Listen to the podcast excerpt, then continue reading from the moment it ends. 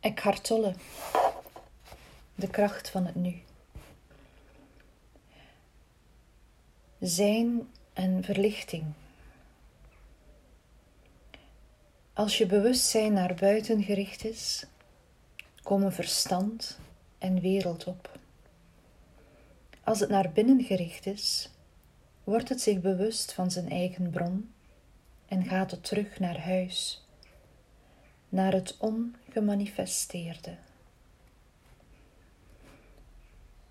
Een heel mooi stukje uit het prachtige boek van Eckhart Tolle, waar wereldwijd miljoenen exemplaren zijn van verkocht.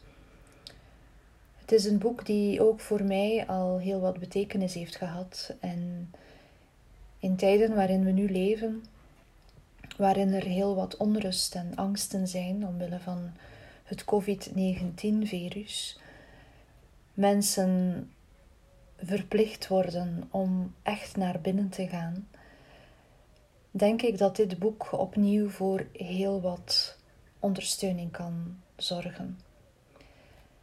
Het is niet het gemakkelijkste boek, dat geef ik zeker toe.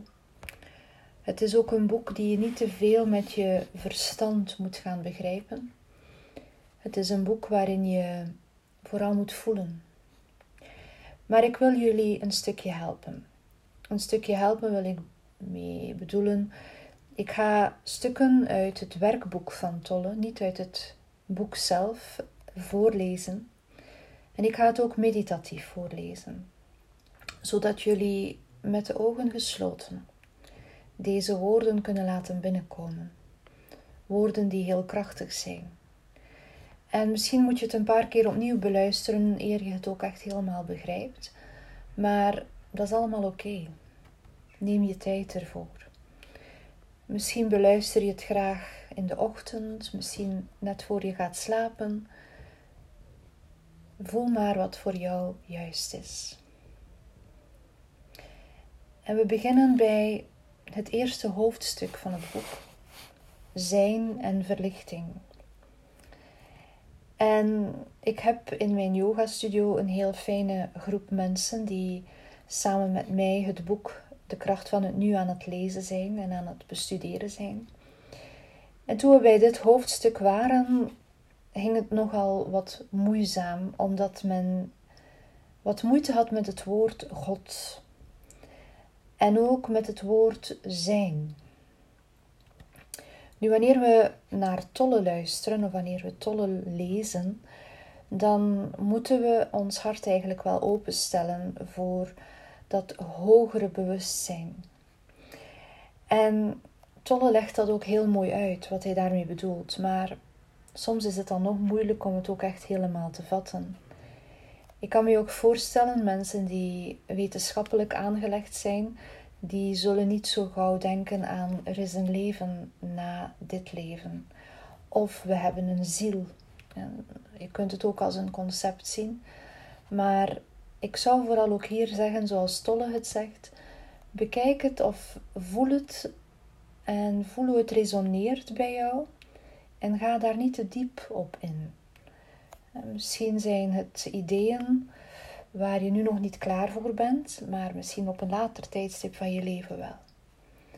Anderzijds kan het ook zijn dat deze periode van diepe, diepe wereldtransformatie waar we vandaag in zitten, we zijn vandaag maandag 16 maart 2020, dat je misschien deze woorden net heel hard nodig hebt. Oké. En Tolle die zegt: Er gaat een eeuwig, altijd aanwezig ene leven schuil achter de ontelbare aan geboorte en dood onderworpen levensvormen. Veel mensen gebruiken het woord God om dat te beschrijven. Ik noem het vaak zijn. Het woord zijn verklaart niets, maar het doet God ook niet. Zijn heeft echter het voordeel dat het een open concept is. Het brengt het oneindige, onzichtbare niet terug tot een eindige entiteit. Het is onmogelijk dat je er een mentaal beeld van te vormen. Niemand kan het exclusieve bezit van zijn opeisen. Het is je hele wezen en is onmiddellijk toegankelijk voor je als je het gevoel van je eigen aanwezigheid. Het is dus maar een kleine stap van het woord zijn naar de ervaring van zijn. Misschien wil je dit stukje nog eens herbeluisteren.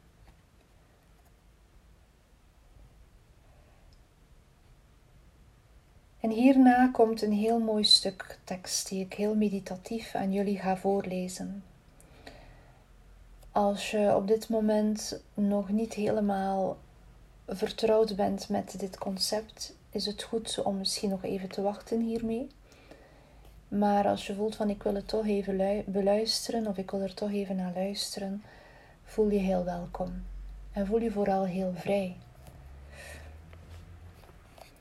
Dus ga ergens zitten met je ogen gesloten. Misschien kun je in de tuin zitten, nu het vandaag een beetje mooi weer is. Misschien zit je graag thuis in een comfortabele zetel of stoel. Belangrijk is dat je rug recht is en je comfortabel zit. Zorg dat je beide voeten op de grond staan, dus dat je de benen niet over elkaar kruist. Leg je handen op je schoot met de handpalmen naar boven. En maak je hele zijn, je hele lichaam, maak het heel zacht. Ontspan je ogen, ontspan je kaken, je mond. En je kaken zijn niet op elkaar geklemd. Laat je tong ontspannen in je mond rusten. En laat je ademhaling dan wat vertragen. Je ademt door je neus rustig in en uit.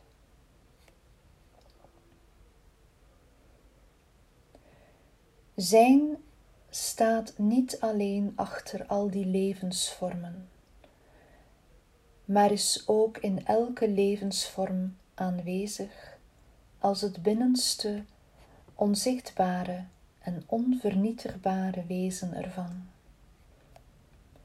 Dat betekent dat het op dit moment voor jou toegankelijk is als je diepste zelf, je ware aard maar probeer het niet met je verstand te grijpen. Probeer niet het te begrijpen. Je kunt het alleen kennen als het verstand zwijgt. Als je aanwezig bent. Als je met je aandacht helemaal en heel intens gericht bent op het nu dan kun je zijn voelen. Maar je kunt het met je verstand nooit begrijpen.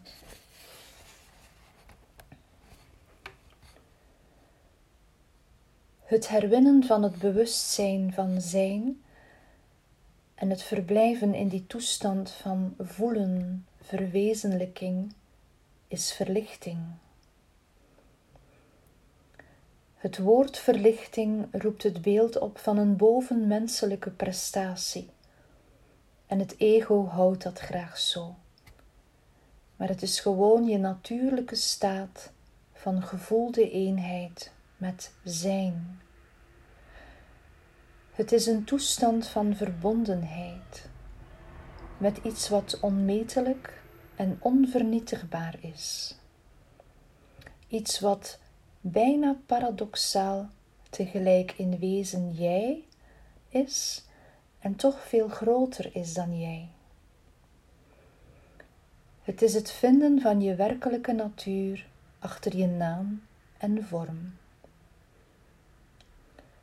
Het onvermogen om die verbondenheid te voelen wekt de illusie op dat je afgesneden bent van jezelf en van de wereld om je heen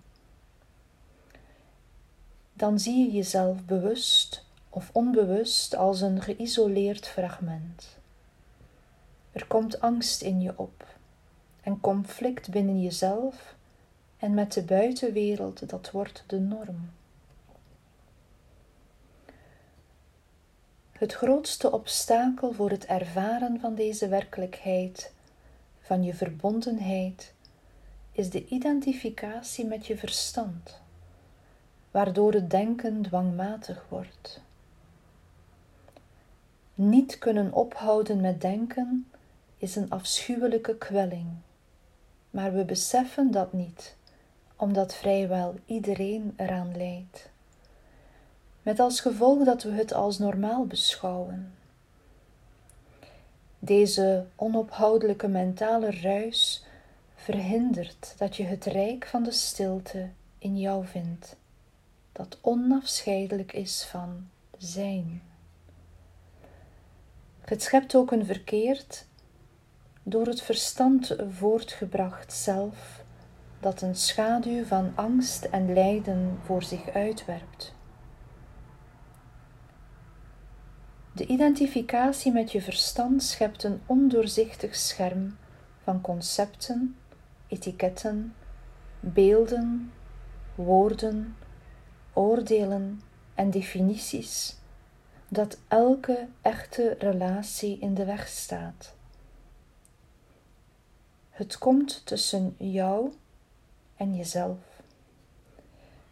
tussen jou en je medemensen, tussen jou en de natuur, tussen jou en God.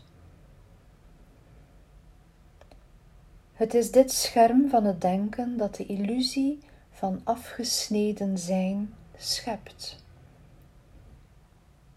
De illusie dat er een jij is en een totaal losstaande ander. Dan vergeet je het essentiële feit dat je onder het niveau van fysieke verschijnselen en afzonderlijke vormen één bent met al wat is. Het verstand is een voortreffelijk instrument als je het goed gebruikt. Maar bij verkeerd gebruikt wordt het echter erg destructief. Nauwkeuriger gezegd, het is niet zozeer zo dat je het verstand verkeerd gebruikt. Meestal gebruik je het helemaal niet. Het gebruikt jou.